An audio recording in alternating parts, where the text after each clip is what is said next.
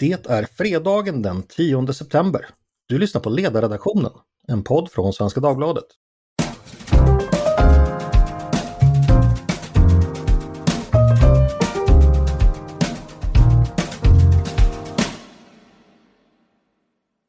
Varmt välkomna denna sensommarfredag till Ledarredaktionen. I dagens podd ska vi gå tillbaks i tiden, närmare bestämt 20 år, och då förstår ju den räknesnabbe att det är 2001 jag tänker på och då förstås terrorattentaten mot New York och Washington som ju drabbade USA det så infamösa datumet den 11 september just det året. Vi ska minnas och vi ska tänka till kring vad det här har betytt för den eftervärld vi numera lever i. Jag som pratar nu heter Andreas Eriksson och som vanligt på fredagar har jag fått några av mina kollegor från redaktionen att slita sig från tangentbordet för att låta rösten tala istället. Med mig har jag exempelvis Paulina Neuding. Välkommen hit! Tack så mycket! Har du haft en bra vecka? Jag har haft en jättebra vecka. Det var, det var en incident när jag tvingades äta surströmming som var väldigt obehaglig. Men annars har det varit toppen. Ja, fantastiskt! Märkligt nog har jag haft liknande upplevelser men det får vi ta vid ett annat tillfälle. Eh, så har vi också Mattias Svensson här. Välkommen! Hej hej då! Har, ja, mår du bra? Ja. Jättefint! Och förstås chefen i egen hög person, politisk chefredaktör Tove Livendal. Välkommen hit! Tack så mycket! Hur ligger du till i jobbet inför helgen? Är sidorna för lördag och söndag gjorda? Eh, så gott som. Vi har eh, lite redigering och sånt kvar och sen ska vi lämna lite arbete till Mattias som har jouren den här helgen. Mm, just det, då ska vi vara snälla mot honom i podden idag. Så att han är utvilad. Eh, men 11 september 2001 var det. Eh, jag tänkte vi ska börja i det lilla. Eh, den här septemberdagen, åtta tiden på morgonen. Fyra flygplan på USAs östkust startar ungefär samtidigt för en resa mot Kalifornien. Ombord finns sammanlagt 19 kapare. Vid halv nio-tiden, amerikansk tid då, klockan är, har hunnit bli eftermiddag här i Sverige. Ungefär när säkerhetsbältsskyltarna släcks lyckas då de här 19 personerna ta över dessa fyra flygplan. Piloterna och flygvärdinnorna överfalls och dödas i flera fall och på varje flygplan sätter sig en kapare vid spakarna och vänder västerut tillbaks mot den amerikanska östkusten. Vad gjorde ni då? Jag tänkte vi skulle bara börja, ni vet det här vanliga. När ni fick veta, vad gjorde ni? Tove, var, befann du dig i livet och hur fick du höra talas om det som hade hänt? Jag satt i, eh, på ett kontor i Gamla stan och var då ordförande i Moderata ungdomsförbundet när eh, den dåvarande generalsekreteraren Thomas Tobé, som numera finns nere i EU-parlamentet, kom in och såg otroligt konstig ut och sa att jag behövde komma och titta på någonting som skedde på TV, att det var någon form av eh, attack, tror jag att han, han sa i USA. Mm. Så att eh, vi gick dit och tittade. Och då hade det gått så långt att man redan i alla fall anade att det här var ingen olycka utan det var någonting som var medvetet? Ja, jag minns, jag har inte exakt detaljerna, men jag undrar om det inte var så att det här liksom, jag vet inte när de kom igång med sändningarna. Eh, för att det var, det var tv och jag, på den tiden så hade vi väl inte tillgång i den till, eh, till alla kanaler som fanns. Det var inte så mm. lättillgängligt i alla fall, så att jag skulle gissa att det hade kommit någonting på svensk tv då. Mattias Svensson, eh, vem var du 2001? Var var du och hur fick du höra talas om det här? Jag var på Moderaternas riksdagskansli i pressrummet där en tv stod på. Mm. Så, så det minns jag väl. Jag, eh, det är möjligt att, att minnet redigerats i efterhand, men jag, jag har i alla fall minnet att, eh, att sändningen stod på redan efter den första planet och att, att vi, vi var några stycken som i realtid såg hur det andra planet flyger in om, när man då, när, när det börjar gå upp för en att det här är planerat. Mm. Och den, den, den, känslan minns jag därför att då, under den eftermiddagen kom det över mig en känsla som jag hade vuxit upp med men inte tänkt på att den försvann. Jag är uppvuxen under, under kalla kriget med liksom den här fåglarna kan vara i luften-känslan av att kärnvapenkriget kan missilerna kan redan ha avfyrats och, och minuterna kan ticka ner eh, och vi vet inte om det än. Mm. Och den, den känslan hade jag under mina barn och ungdomsår, men den försvann ju gradvis eh, när, när kalla kriget tog slut och jag insåg först eftermiddagen den 11 september 2001 att den hade varit frånvarande under ett antal år men nu var den tillbaka. Mm, det där är intressant. Eh, Jonas Gardell tror jag det skriver i, jag tror det är en komikers uppväxt att alla barn då i Enebyberg där han växer upp på 70-talet vet att en dag kommer den dagen då kärnvapenmissilerna far som bålgetingar genom luften. Att det ansågs kanske inte helt oundvikligt men i alla fall väldigt, väldigt troligt. Eh, Paulina Neuding, vad gjorde du den här dagen? Jag var 19. Eh, jag fick ett sms, måste det ha varit. Eh, där en kompis skrev Fy fan för det i USA. Så då gick jag, jag var hemma hos mina föräldrar och gick till, de hade parabolantenn. Så jag gick till tvn och tittade på, på CNN och sen så började jag titta och såg ett tysk tv och polsk tv och så så, så satt jag där i soffan hela kvällen och, och, och liksom fipplade mellan kanalerna och bara eh, liksom, man får det bekräftat från alla håll samtidigt. Mm. Eh, och sen så dagen efter så jag läste någon kurs och sen så kom jag ihåg att, att kyrkklockorna började ringa och så stannar läraren upp. De bara ringer och ringer och ringer och ringer och hon säger så här, är det krig? Ja, men, eh, eftersom jag var 19 så, så tillhör jag den generationen som liksom came of age, som, som växte upp med eh, en värld präglad av 11 september. Eh, när Afghanistankriget nu är slut, så det, det är liksom hela mitt vuxna liv egentligen. Mm. Jag tänkte plocka upp något som Mattias sa, det här med att det ändå hade varit eh, en tid, ett 90-tal, en ganska, eh, ja, i efterhand ganska lycklig tid på sätt och vis, även fast den tiden hade sina problem. Men det var ju så att muren föll och Sovjetunionen försvann. Eh, USA var den enda supermakten.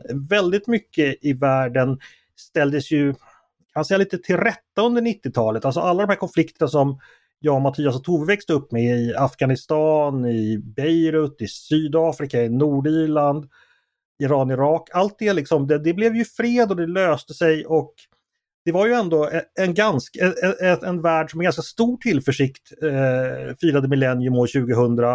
Eh, framtidstron kring, kring IT och modern teknik hade växt, globaliseringen hade kommit igång på allvar. Man talar ju om historiens slut. Eh, jag vänder mig till dig Tove, eh, den här perioden, du minns den säkert också, jag vet inte om du delar min syn på att den var lycklig, men på något sätt var det ju här ändå någonting, en ny tid som inleddes just 2001 som pekade åt ett helt annat håll. Eh, vad tänker du om det? Jo men verkligen så. Jag vet när vi skulle försöka formulera en eh, kampanj i Moderata ungdomsförbundet året innan så blev den liksom eh, i, i i, i glada hippiefärger och hette Frihet, kärlek, kapitalism. Och eh, vi, jag och Mattias var på barrikaderna tillsammans och kämpade mot attack och antiglobaliseringsrörelsen och därför att vi hade, ja kanske för en gångs skull, liksom, och alla bevis på vår sida kändes det som. Och vi, vi, vi kunde titta på vad som hade hänt i Kina, Indien och Japan med enorma framgångar när det gäller att eh, liksom, bekämpa fattigdom, få upp utbildning, äganderätt, allting sånt. Så det fanns ju en, en, en, en värld som verkligen var på frammarsch i väldigt många positiva bemärkelser. Det var väldigt många människor som gavs möjligheter som inte hade funnits tidigare. Och det där var ju en, så det var ju en, eh, det var, det var gott humör kan man säga och vi hade, när det var toppmöte 2001 i Göteborg så åkte vi ner med t-shirts som det stod I love Bush på. Eh, nu fick vi nu blev vi rådda av polisen att inte visa oss ute på gatorna med den t-shirten. Men då handlade ju George Bushs agenda om att de, försöka få till stånd frihandelsavtal med Mexiko och diskutera hur man skulle kunna göra de illegala immigranterna legala. Och det fanns liksom en, en möjlighetsorientering som var väldigt positiv att vara i. Och sen ändrades allt över en dag.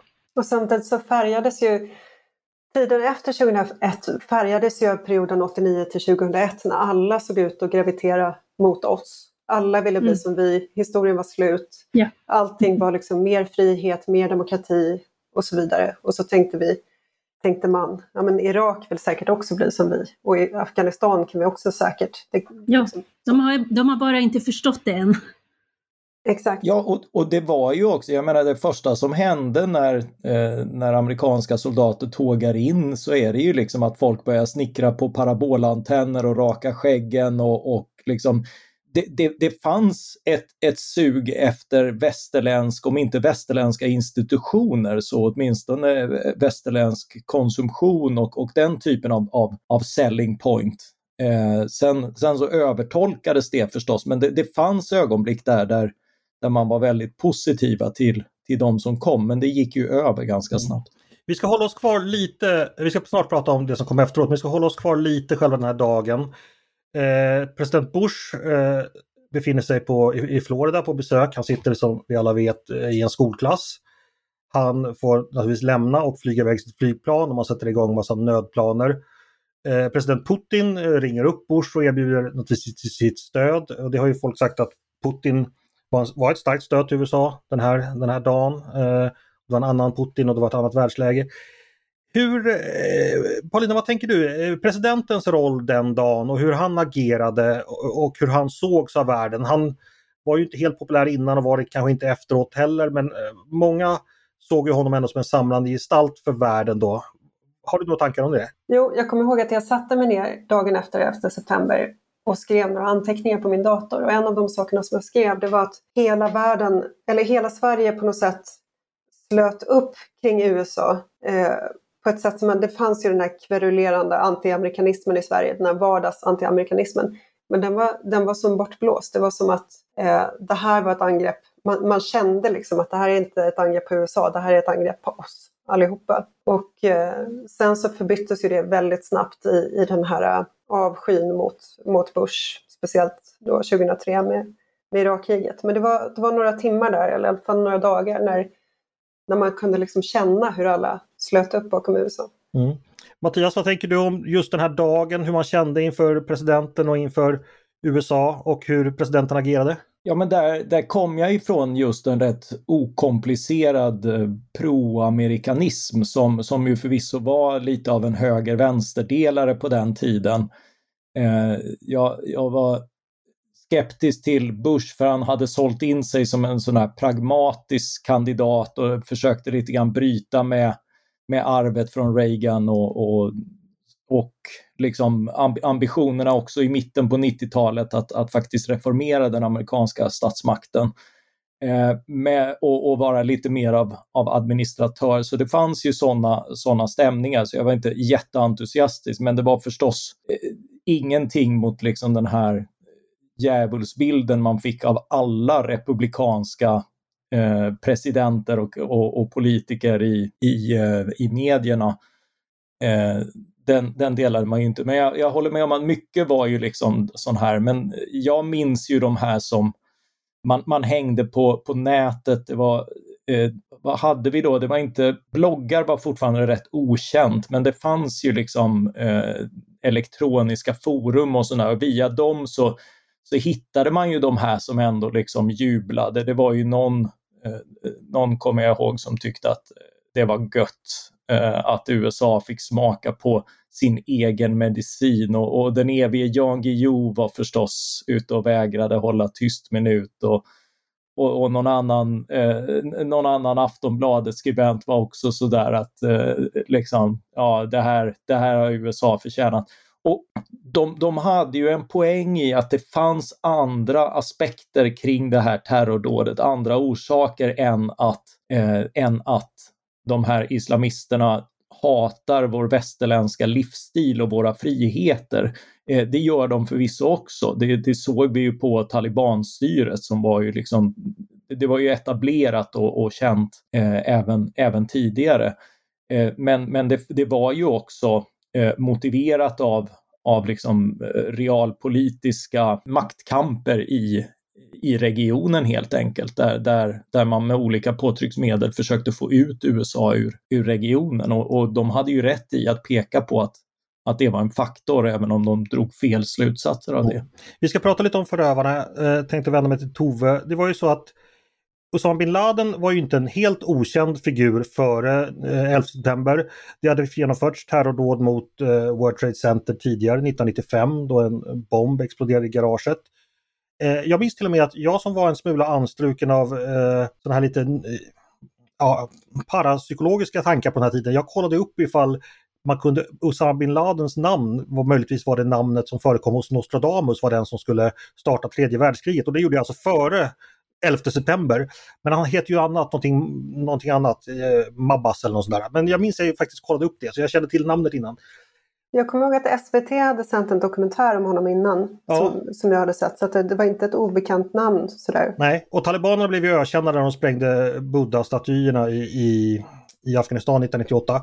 Men Tove, du som var politiskt verksam vid den här tiden, vad visste man om den här radikal islamism, om det liksom hela kriget mot den stora satan? Eh, och, och vad, liksom, vad drog man för slutsatser när eh, terrorattentatet, vad hade man så att säga med sig in när, när det väl skedde? Ja, alltså för egen del och så som jag minns debatten så var inte det någonting som diskuterades särskilt mycket. Det är klart att det har funnits personer eh, även i Sverige som har haft koll på detta och haft både kunskap och till uppgift att liksom, skanna radarn så att säga. Och det fanns ju också, eh, alltså i USA har man ju sen i efterhand, dels så är personerna inte okända och sen hade man också uttryckligen varnats för just det här med flygplanskapningar som en, en eh, tänkbar metod för att skapa eh, förödelse. Så att det har funnits initierad kunskap men det, det, tycks ju vara så att vi inte tar till oss det förrän det har hänt någonting riktigt illa.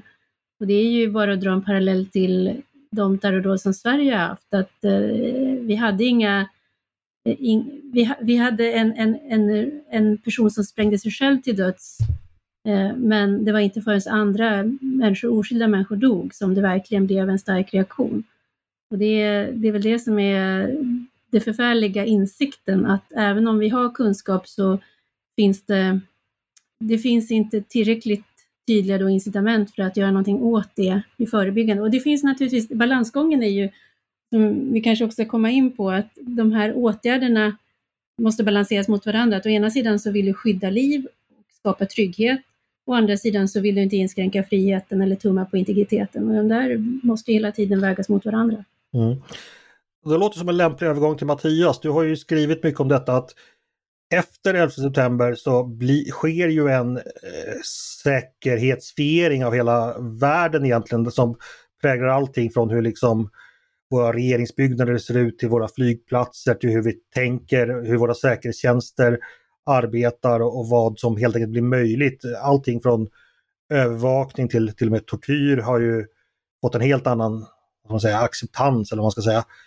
Eh, jag vet ju att du har tänkt jättemycket kring detta. Går det att dra några generella slutsatser från det som hände efteråt? Eh, ja, alltså jag försöker ju sammanfatta dem i, i min bok Den stora statens återkomst till viss del, en, en sån här förmäten del av, av 2000-talet, därför att jag tycker just att det är väldigt mycket av det som, det som händer som påverkar oss oerhört mycket, men, men som inte riktigt har, har sjunkit in, för vi är lite grann kvar i det här både anhängare och kritiker är kvar i 1900-talets gosiga slut med liksom optimismen kring, kring marknader, demokratisering, globalisering eh, och vare sig man vill ge det skulden för dagens tillstånd eller, eller är anhängare till det så, så tenderar man att missa mycket, hur mycket eh, alltså kriget mot terrorismen förändrade villkoren. Eh, och det är alltid från eh, ek ekonomin, att Fram till 2001 har USA alltså tre statsbudgetar som gått med överskott och det är, det är närmast exotiskt om man tänker på det idag, för därefter har det gått med, med massiva underskott hela tiden och de har bara blivit, eh, blivit större och större. Vi samlar liksom på oss en, en skuld som, som framtida generationer har att, eh, har att betala. Eh, och sen också eh, så såg vi ett antal program som rusade iväg, alltså dels liksom den här eh, invasionerna av, av Afghanistan, Irak och även eh, Libyen som kommer sen och sådär och ingen av dem, alla de har varit har mött stor entusiasm när, när insatserna kom men, men ganska snabbt efteråt resulterat i, i liksom instabila och, och eh, farliga platser att vara på och, och ja, minskad säkerhet både här och där. Eh, och på samma sätt så, så har vi fått en, en en, en, ett växande statligt uppdrag med, eh, med övervakning och sånt. Och där en del av det behövde göras, för jag menar islamisterna och den här typen av terror representerar ett nytt form, en ny, ny form av hot och man hade väldigt rudimentära legala möjligheter att, att, att spana och, och, och arbeta mot, mot de här grupperna. Och med, eh, det kan man ju också gå tillbaka till nu att, att om vi tittar på, vi har inte fått ett nytt 11 september. Vi har haft ett par stora terrordåd, men det är London och andra som är rätt tidiga, Madrid eh, 2004, 2005. Eh, men, men att vi idag har eh, förvisso en och annan skjutning, men mycket knivattacker och sånt där. Må, många i tiden för, eh, förutspådde snarare en eskalering upp till smutsiga kärnvapen och allting eh, från, från den här typen av grupper. Så, så det hade kunnat gå betydligt eh, värre och, och det visar att mycket av det som har gjorts eh, har, har ändå varit okej. Okay. Men, men två saker har gått för långt och det är dels så, så gav man sig ganska tidigt på att samla in väldigt mycket information kring väldigt många och där verkar, de programmen verkar inte ha varit effektiva och det som, det som har varit alarmerande där har drunknat i, eh, i, i, liksom, eh, i mängden som, som är svår att hantera. Eh, och det andra är Eh, alltså de här tortyrprogrammen som ju då bland annat Sverige varit behjälpliga i, där man, där man kidnappar och, och tar iväg eh, misstänkta till, eh, till av CIA drivna sajter i andra länder och utsätter dem för sådana här eh, utvidgade förhörsmetoder som, som liksom anal våldtäkt och, och skendränkning och annat. Eh, och, och där har man behandlat människor väldigt illa. Det, det har liksom eh, gett väldigt lite i, i information, men det har ju varit en enorm, alltså vi talar tyst om det i väst idag, men det har ju varit en enorm del av rekryteringspropagandan till IS och andra att, att västländer beter sig så här och på det sättet så har det ju varit liksom en, en alltså både, både skamligt och, och kontraproduktivt. Så, så den typen av överdrivna åtgärder när staten har gjort för mycket, gått för långt, lämnat liksom väldigt mycket av sina ideal ihop med en väldig övertro på vad staten kan åstadkomma genom att invadera, att man också kunde bygga upp liksom eh, demokratiska institutioner och, och eh, bedriva, bedriva statskonst i länder som inte alls var, var redo för det. det. Det har varit liksom på något sätt alltså en, en, en statlig och politisk hybris som, som, som har kostat väldigt mycket. Just det. Eh, när Mattias säger att Sverige har varit behjälplig då syftar han då på den avvisning av två egyptier som genomfördes efter ett regeringsbeslut 2002. Ni som har glömt den episoden kan gärna googla den och titta upp den för det, är, en, det är en spektakulär händelse i vår närtidshistoria. Paulina, jag tänkte gå över till dig. Eh, Mattias antyder här lite om den diskussion och den debatten som följde på. Vi fick den i Sverige också. Här hade vi framförallt kanske varit Irakkriget som verkligen födde den diskussionen mellan å ena sidan de som ibland ja, kallades av sina motståndare för bombliberaler, det vill säga mm. ganska aktivistiska, eh, interventionsvänliga. Eh, alltså idén om att man helt enkelt skulle ut och sprida, försöka sprida demokrati för att motverka terrorn och en annan, mer, en annan syn då. Så. Du var ju med under den här tiden också eh, som politiskt aktiv. Kan du berätta lite om det och hur du, du tänker och hur kan man värdera den diskussionen idag? Diskussionen om eh, Irakkriget? Ja, exempelvis. Eller ja, generellt då, om det här med att västvärlden som skulle kunna med vapen i hand sprida demokrati. Jo, precis. Alltså, och där var ju vi samtiden var väldigt färgade av eh, 1989. Att allting graviterade mot oss. Och 1945 inte minst. Alltså, man trodde att man med militära medel och ganska enkelt skulle kunna förändra eh, länder långt bort med kulturer som skiljer sig mycket från vår egen. Eh, och det här hade väldigt stor genklang, eh, genklang också bland svenska liberaler. Man trodde på allvar att det, att det gick att göra det här. Det var liksom den sista städningen efter 1989. Mm. Det var lite skräp kvar. I, i, Exakt. Ja. Det fanns lite problem i den eh, islamiska världen och nu, nu skulle man liksom... Eh, det, det, finns en ganska en, eh, träffande satir i eh, South Park eh, när, när USA ska bomba Irak med Christmas spirit. Mm. eh, men, men så var liksom tongångarna var lite grann sådär. Mm. Det är mm. svårt att föreställa sig idag efter Afghanistan och efter Irak, men, men man trodde att man skulle ta bort Saddam Hussein, ersätta Irak med eh, en demokrati helt utan hänsyn till klanstrukturer och annat. Och sen skulle, eh, skulle Irak tas, tas, tas liksom upp i den demokratiska världen. Ja, de, de skulle få demokrati och McDonalds mm. liksom. Ja, exakt. Och, och, det hade, eh, hade de fått det så hade de haft det mycket bättre än idag. Men... Mm.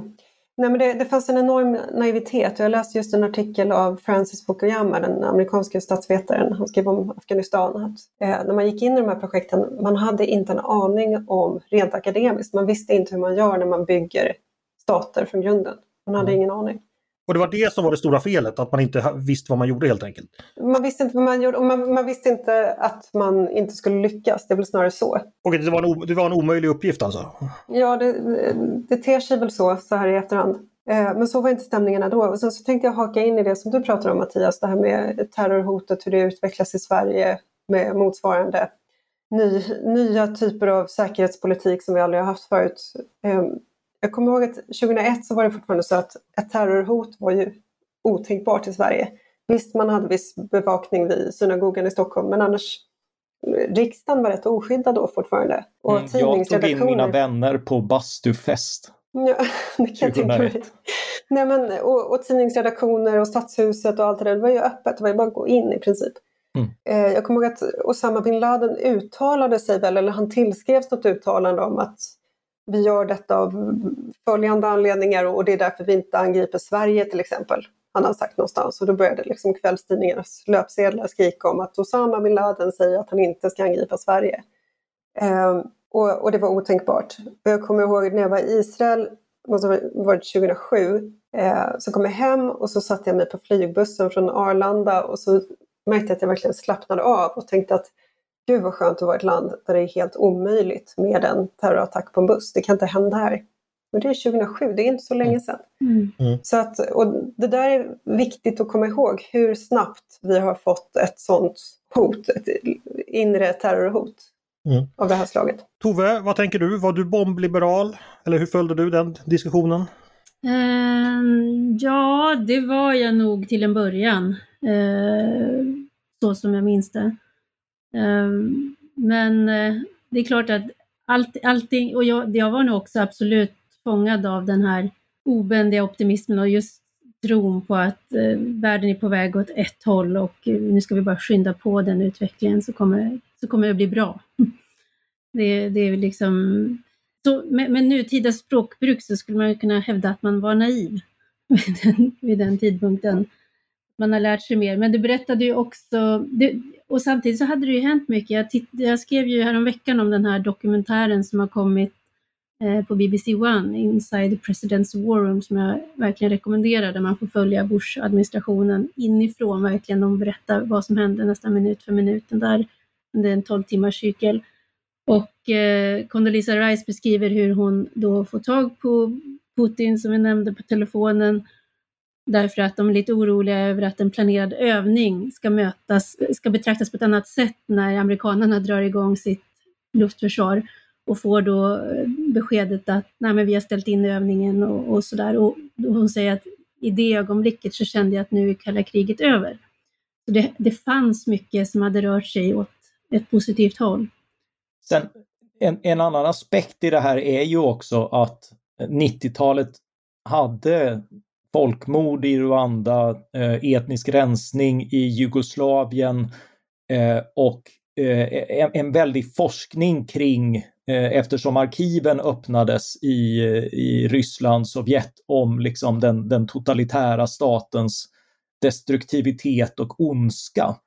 Eh, och, och, båda de aspekterna var ju delar i beslutet att gå in militärt i förtryckande diktaturer i övertygelsen om att man gör gott. Det var liksom inte, det var inte bara den här idealistiska föreställningen om, om målen utan också insikten vad alternativet mycket väl kan vara.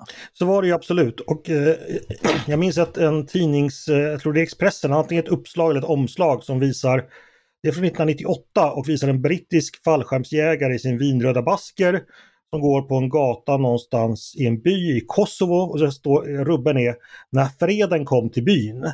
För det var ju då en intervention som gjordes av NATO 1998, det var tre år förväg, där verkligen freden kom till byn, eh, där det var hotat ett storkrig, men då man gick in och eh, det, jag, jag, kan inte tillräckligt väl för att utvärdera det politiskt om det var bra eller dåligt, men det var i alla fall ett exempel på den tids stämning som fanns då, liksom, att det gick att ordna till saker. Vi hade lärt oss läxan från Sarajevo och Srebrenica och den här gången agerade verkligen världen. Eh, sen tycker jag ni är lite väl hängläppade när det gäller utvecklingen sedan 2001, för det är klart att vi har fått stora problem sedan dess, men världen har ju i mycket när det gäller materiella utveckling gått mycket, mycket långt framåt de senaste 20 åren också när man ser till liksom hur människor lever och äter och går i skolan och mår mycket, mycket bättre faktiskt nu än för 20 år sedan också. Det, det, ska, man, det ska man komma ihåg. Oh, oh ja, det finns ju och eh, det, det har varit, eh, alltså inte minst eh, i, i, stora delar av Afrika har man kommit ikapp, eh, eller inte ikapp, men, men liksom börjar integreras i i den internationella ekonomin och eh, jag menar bara, bara responsen på pandemin och, och eh, det snabba framtagandet av vaccin och utrullningen som pågår och, och, och hur snabbt vi fick tester och, och förnödenheter och sånt där att, eh, att ändå funka är ju liksom en, eh, lite av en revival för, för globalisering och, och forskning. Vi har ju, vi har ju liksom tekniska framsteg, medicinska framsteg, ekonomiska framsteg. Men det är också så att varenda eh, julmarknad i en europeisk storstad nu måste bevakas av antingen militär eller betongsuggor eller någonting annat. Det har ju hänt eh, någonting rätt fruktansvärt under de här 20 åren ja. också. Det är det jag tänkte, eh, om vi tittar idag då och tittar på efterbörden av 11 september. Vad finns kvar? Vad kan förpassas till historien och vad är fortfarande liksom samtida ämnen och problem som fortsatt eh, behöver hanteras? Paulina, du nämner ju säkerhet och terrorhot förstås. Eh, tänker du någonting annat? Ja, vi har ju hela diskussionen om övervakning eh, som kommer vara med oss under hela vår livstid därför att terrorn kommer vara med oss. Och där har det också hänt väldigt mycket. Jag, när jag, jag tror att det var min första sommar på Svenska Dagbladets ledarsida så eh, protesterade vi väldigt kraftigt mot FRA-lagen. Och vi, eh, jag tror att vi publicerade en artikel av Centrum för rättvisa när de sa till regeringen, vi syns i rätten. Därför att de skulle ta det här till Europadomstolen, mm. eller hur det var. Och det här var enormt. Och på den här tiden fanns det något som hette knuff.se, där man kunde se alla bloggar, vad de skrev om. Och när riksdagen röstade om FRA-lagen, då, då, då, var det bloggbävning. Bloggbävning, ja. Mm. Det var det enda man pratade om på knuff.se och sådär. Eh, sen gick lagen igenom, Fredrik Federley grät i riksdagen och sen häromdagen, häromveckan, så läste jag en notis om att den där prövningen som Centrum för rättvisa aviserade, eh, den hade blivit avgjord av Europadomstolen i Strasbourg. Och det var ingen redaktion som brydde sig. Därför att det här är numera helt okontroversiellt. Därför att vi lever i en värld efter migrationsvågen, efter IS, efter terrorvågen i Europa. Det är ingen som ifrågasätter det här längre. Det är en sån enorm kontrast. Eh, Mattias, om du får samma fråga. Vad, vad, lever vi kvar med från 11 september? Och vad har vi så att säga kunnat, har tiden kunnat hantera och lämna bakom sig? Eh, nej men väldigt, väldigt mycket lever kvar eh, och, och väldigt mycket är, eh, är framför oss. Jag menar, vi, en, en sån sak nu, eh, en del av, av de vapen som på senare år har nått svenska gator har varit från det jugoslaviska kriget. Eh, och om vi då föreställer oss vad som, vad som kommer att hända framöver med den vapenarsenal som nu har lämnats kvar i, i Afghanistan eh, och, eh, och i Irak, eh, så är ju det ett, eh, i, i sig ett, eh, ett, ett hot som, som återstår att, Eh, att hantera. Likaså vad, vilka som kommer att kunna frodas bland, eh, bland eh, talibanerna. och skulderna finns kvar.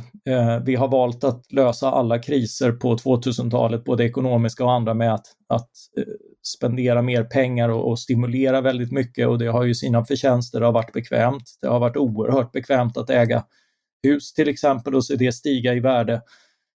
men Eh, men det skapar ju också skulder och, eh, och utanförskap. Så den, eh, det ekonomiska arvet finns, finns definitivt efter oss. Och jag noterade, också, alltså, eller internet till exempel, det här att, att vi blir så övervakade nu att för det var ju en enorm frihetskänsla att använda internet där kring, kring liksom, millennieskiftet.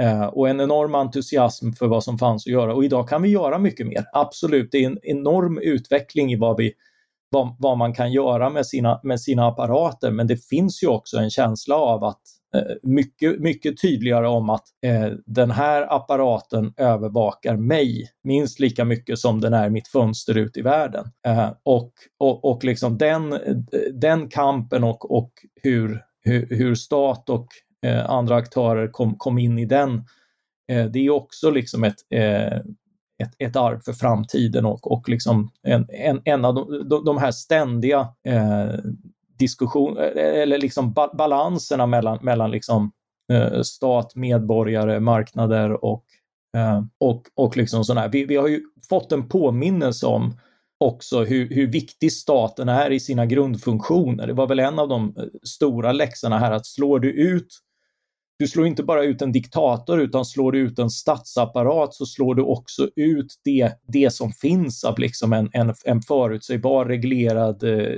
tillvaro och, eh, och, och liksom lämnar åt, ofta åt mer hänsynslösa aktörer att, att flytta in. Mm.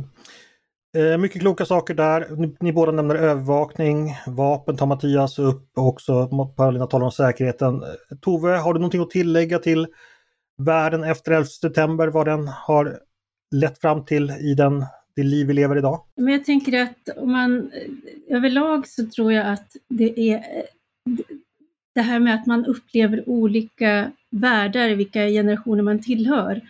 Om man tittar på listan över eh, terrordåd i Europa från olika tiotal så kan man ju konstatera att de som liksom är födda Alltså, födda före 1990, vi har, vi har liksom färre dåd att komma ihåg. De som är födda efter och som var med om 11 september, de är va mer vana vid att det då och då smäller och att det då och då blir det är, det är en ny normalitet på ett annat sätt än vad det har varit tidigare. Det är liksom Nice, London, Paris, det är liksom Bryssel. Det finns, det finns inte terrordådet utan det finns terrordåd och det, är, det kommer ju att prägla den generationen. Jag vet Peter Santesson har ju myntat det här begreppet operation villebråd och syftar ju mycket mer då på det här med eh, att ungdomar blir liksom vana vid att de kan plockas på mobiler och kläder och allting sånt här, klockor.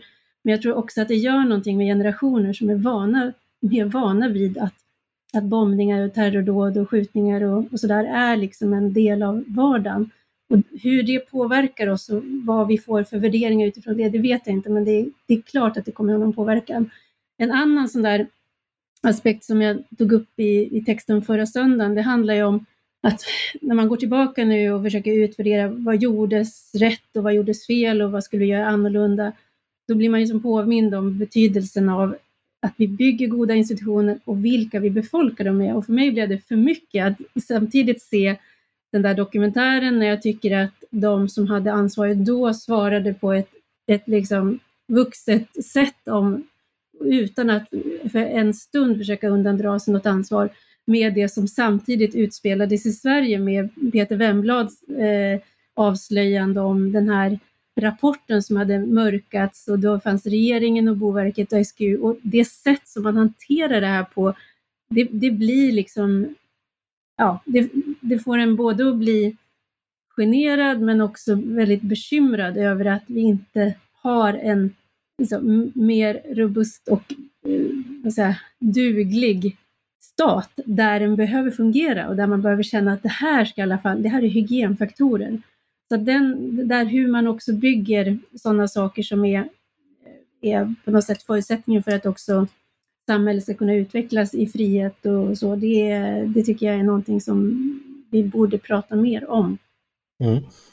Stort tack för det. Eh, det var en, för att vara en fredagspanel var det en ovanligt allvarlig och mulen tillställning men det kräver ju nästan ämnet. Det har ju gått, sagt det har varit 20 delvis tunga år sedan den här fruktansvärda händelsen som i sig naturligtvis var en fruktansvärd händelse. Eh, det finns mycket att tänka och fundera kring detta. Eh, jag kan ju rekommendera att ifall man vill eller har tid kan man gå in på Youtube och då kan man se egentligen alla direktsändningar från CNN och flera andra eh, kanaler som de hände just då från det att man bröt programmen och man inte visste någonting och fram till ja, hela den mörka dagen och det ger en en kanske lite möjlighet att resa tillbaka i tiden och tänka hur det egentligen var den där fruktansvärda dagen. Men hörni, då får vi ta och tacka för idag. Eh, stort tack Tove!